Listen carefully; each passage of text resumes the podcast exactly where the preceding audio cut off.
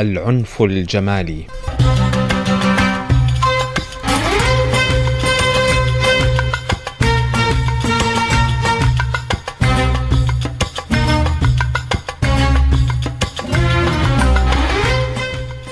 العنف الجمالي آه، مصطلح شاع مؤخرا آه، السبب في ذلك هو أو يعني كيف نشأ هو قد يكون قديما. ولكنه في العصر الحالي بسبب التنمر الذي يقوم به الكثير من الناس تجاه مجموعة من الناس. بسبب الطول بسبب القصر بسبب السمنة بسبب البشرة لون البشرة بسبب إنه هذا ضعيف هذه ضعيفة آه هذا طويل هذا قصير هذا سمين هواي هذا كرشه طالع هذا خشمش كبرى. هذا إلى آخره من التقييمات الجمالية لجسد لأجساد الناس. حتى بات الكثير من الناس الكثير غير مقتنع بجسده وهذه مشكلة كبيرة مشكلة حتى نفسية. يعني تنعكس على نفسية هذا الإنسان. الكثير غير مقتنع بشكله غير مقتنع بجسده غير مقتنع بالملابس التي يلبسها غير مقتنع بالاكسسوارز اللي وياه غير مقتنع بسيارته إلى آخره. لكننا هنا نتحدث فقط عن غير مقتنع بجسده وهذه هي الطامة الكبرى. لماذا؟ لأنه قد يكون قصير القامة. يعني مو الطول مالته مو ضمن الرينج الجيد اللي هو من مثلا متر وخمسة وستين الجماليات إلى مثلا متر وثمانين على سبيل المثال أو متر وخمسة وثمانين مثلا الطول. الخصر مثلا خصر الولد أو البنية ليس بالمستوى المطلوب يعني. وهكذا. هسه إحنا لسنا ضد المعايير الجمالية. يعني جميل أن يكون الإنسان جميلا. جميل. ولكن هنالك ظروف يعني خلاص وهنالك خلق بهذه الشاكلة. يعني إنسان قصير خلاص ماذا يفعل يعني؟ يطول نفسه يعني بأي طريقة مثلا. أو طويل جدا شلون يقصر نفسه يقطع من جسده. فلذلك يجب أن يكون الإنسان أولا مقتنعا بذاته وبجسده كي يستطيع أن يواجه المجتمع. هذه نقطة أساس. والنقطة الثانية هذه المقاييس الجمالية التي نستخدمها وفق رؤية عنفية تجاه الآخر. هذا لون بشرته كذا هذا آه، قصير هذا طويل هذا سمين. هسه أوكي الإنسان جيد يعتني بصحته ويكون بوزنه ضمن المعايير المقبولة. ولكن مو معناها الإنسان سمين هذا مدعاة إلى أن يتم التنمر عليه أو التنمر على شكله أو التنمر على لبسه أو هكذا. يعني هذه أمور ضرورية جدا يجب أن ينتبه إليها المجتمع ويجب أن يقيس الناس وفق رؤية ثقافية علمية أخلاقية مو وفق رؤية جمالية. كثير من العلماء كانوا ما حلوين بمعايير الجمال لكنهم كانوا يمتلكون عقولا قد غيرت العالم. سواء كانت قد غيرت العالم برؤية علمية أو قد غيرت العالم برؤية فلسفية فكرية ثقافية. فمعايير الجمال عمرها ما أعطت آه، آه، الرؤية لتقدم المجتمع وأعطت الفكرة لتقدم المجتمع. بل إن الذي يعطي الفكرة لتقدم المجتمعات هو العقل الإنساني المفكر الذي يستطيع أن يقدم.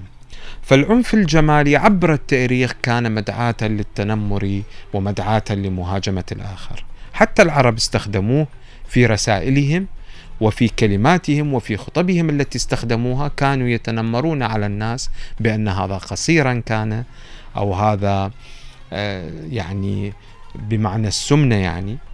إلى آخره من المصطلحات التي تطلق أو هذا آه، عفوا على المصطلح أسود الوجه أو وهكذا. كان يتم التنمر وفق هذه الرؤية وفق رؤية جمالية بحتة وفق معايير جمالية بحتة وهذه هي المشكلة الكبرى. يجب أن نؤمن بالتنوع البشري الذي يعطي كل هذه الصفات أيضا هنالك نقطة أساسية قبل أن أنتقل إلى التقرير وهي وسائل التواصل الاجتماعي. الناس قد ما تتابع وسائل التواصل الاجتماعي وترى معايير الجمال سواء كان بالنسبة للذكور أو بالنسبة للإناث لا تقتنع بأجسادها وهذه مشكلة أخرى ثانية. فلذلك تشوفهم دائما يتجهون إلى معاهد التجميل عفوا إلى مراكز التجميل ويتجهون إلى عمليات التجميل التي قد يذهب بعضهم ضحية لها. بالآونة الأخيرة سمعنا كثير من الناس فقدت حياته بسبب مثلا عمليات إزالة الشحوم وغيرها من الأمور.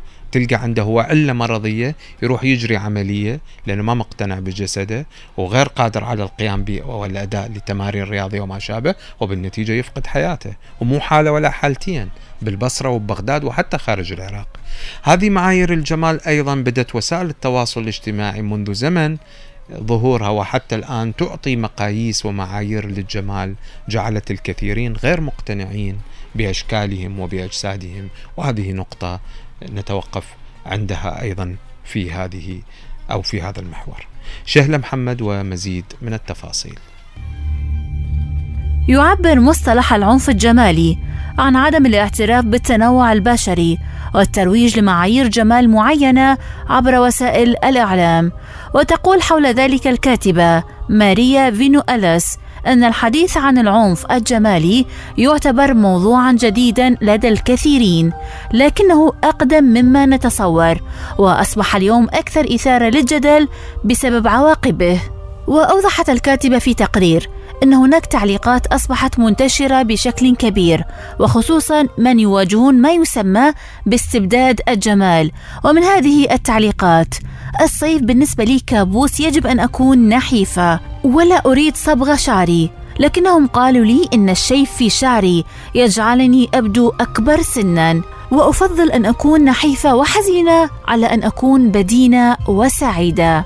ولفتت الكاتبه إلى أن العنف الجمالي يعتبر شكلا من أشكال العنف الذي يجبرنا على الاستجابة لأنماط معينة حول كيفية ارتداء الملابس ومعايير الجمال وكيف يجب أن يكون مظهرنا الخارجي بشكل عام. ومع أنه قلما يلاحظ أحد مدى استفحال هذه الظاهرة لتطبيع المجتمعات معها إلا أن لها في الحقيقة آثارا نفسية لا ينبغي إهمالها. عندما نفكر في العنف فإننا غالبا ما نقتصر على شكله الجسدي أو النفسي لكننا نواجه في حياتنا اليومية أنواعا أخرى من الإساءات التي تكون أكثر دقة أو صمتا وبنفس القدر من الخطورة ومن بينها العنف الجمالي الحاضر بشكل كبير في وسائل الإعلام وغيرها من المجالات الأخرى.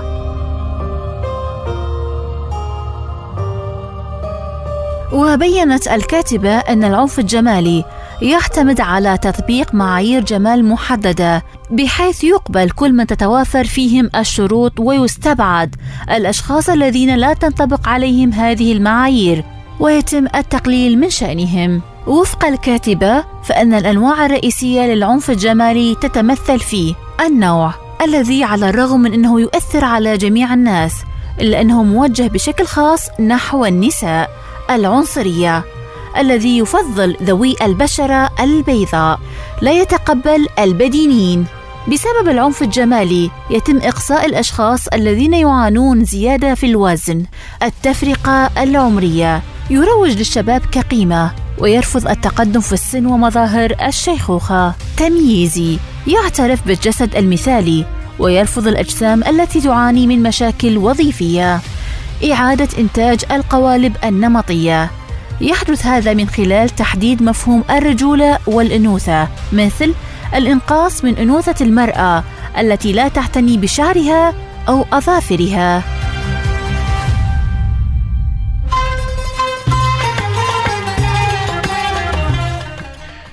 وكيف تتصرف ازاء العنف الجمالي؟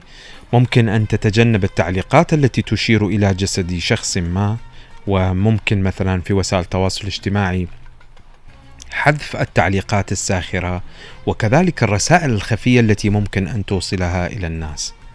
ويبقى أيضا شيء ممكن أن نقوله يعني بالنسبة لما يخص عمليات التجميل وغيرها وغيرها، أوكي لا بأس هذه ليست دعوة إلى أنه إحنا لسنا بالضد من عمليات التجميل وما شابه. ولكن إذا كانت هذه العمليات ممكن أن تؤدي إلى إشكاليات كبيرة في في في جسد الإنسان أو ممكن أن يكون هنالك side effect كبير بالنسبة لبعض الأشخاص لا أقول الجميع. فهنا نقول يعني ما, ما الذي يجبرك على هذا الأمر؟ أعتقد إنها إشكالية كبيرة.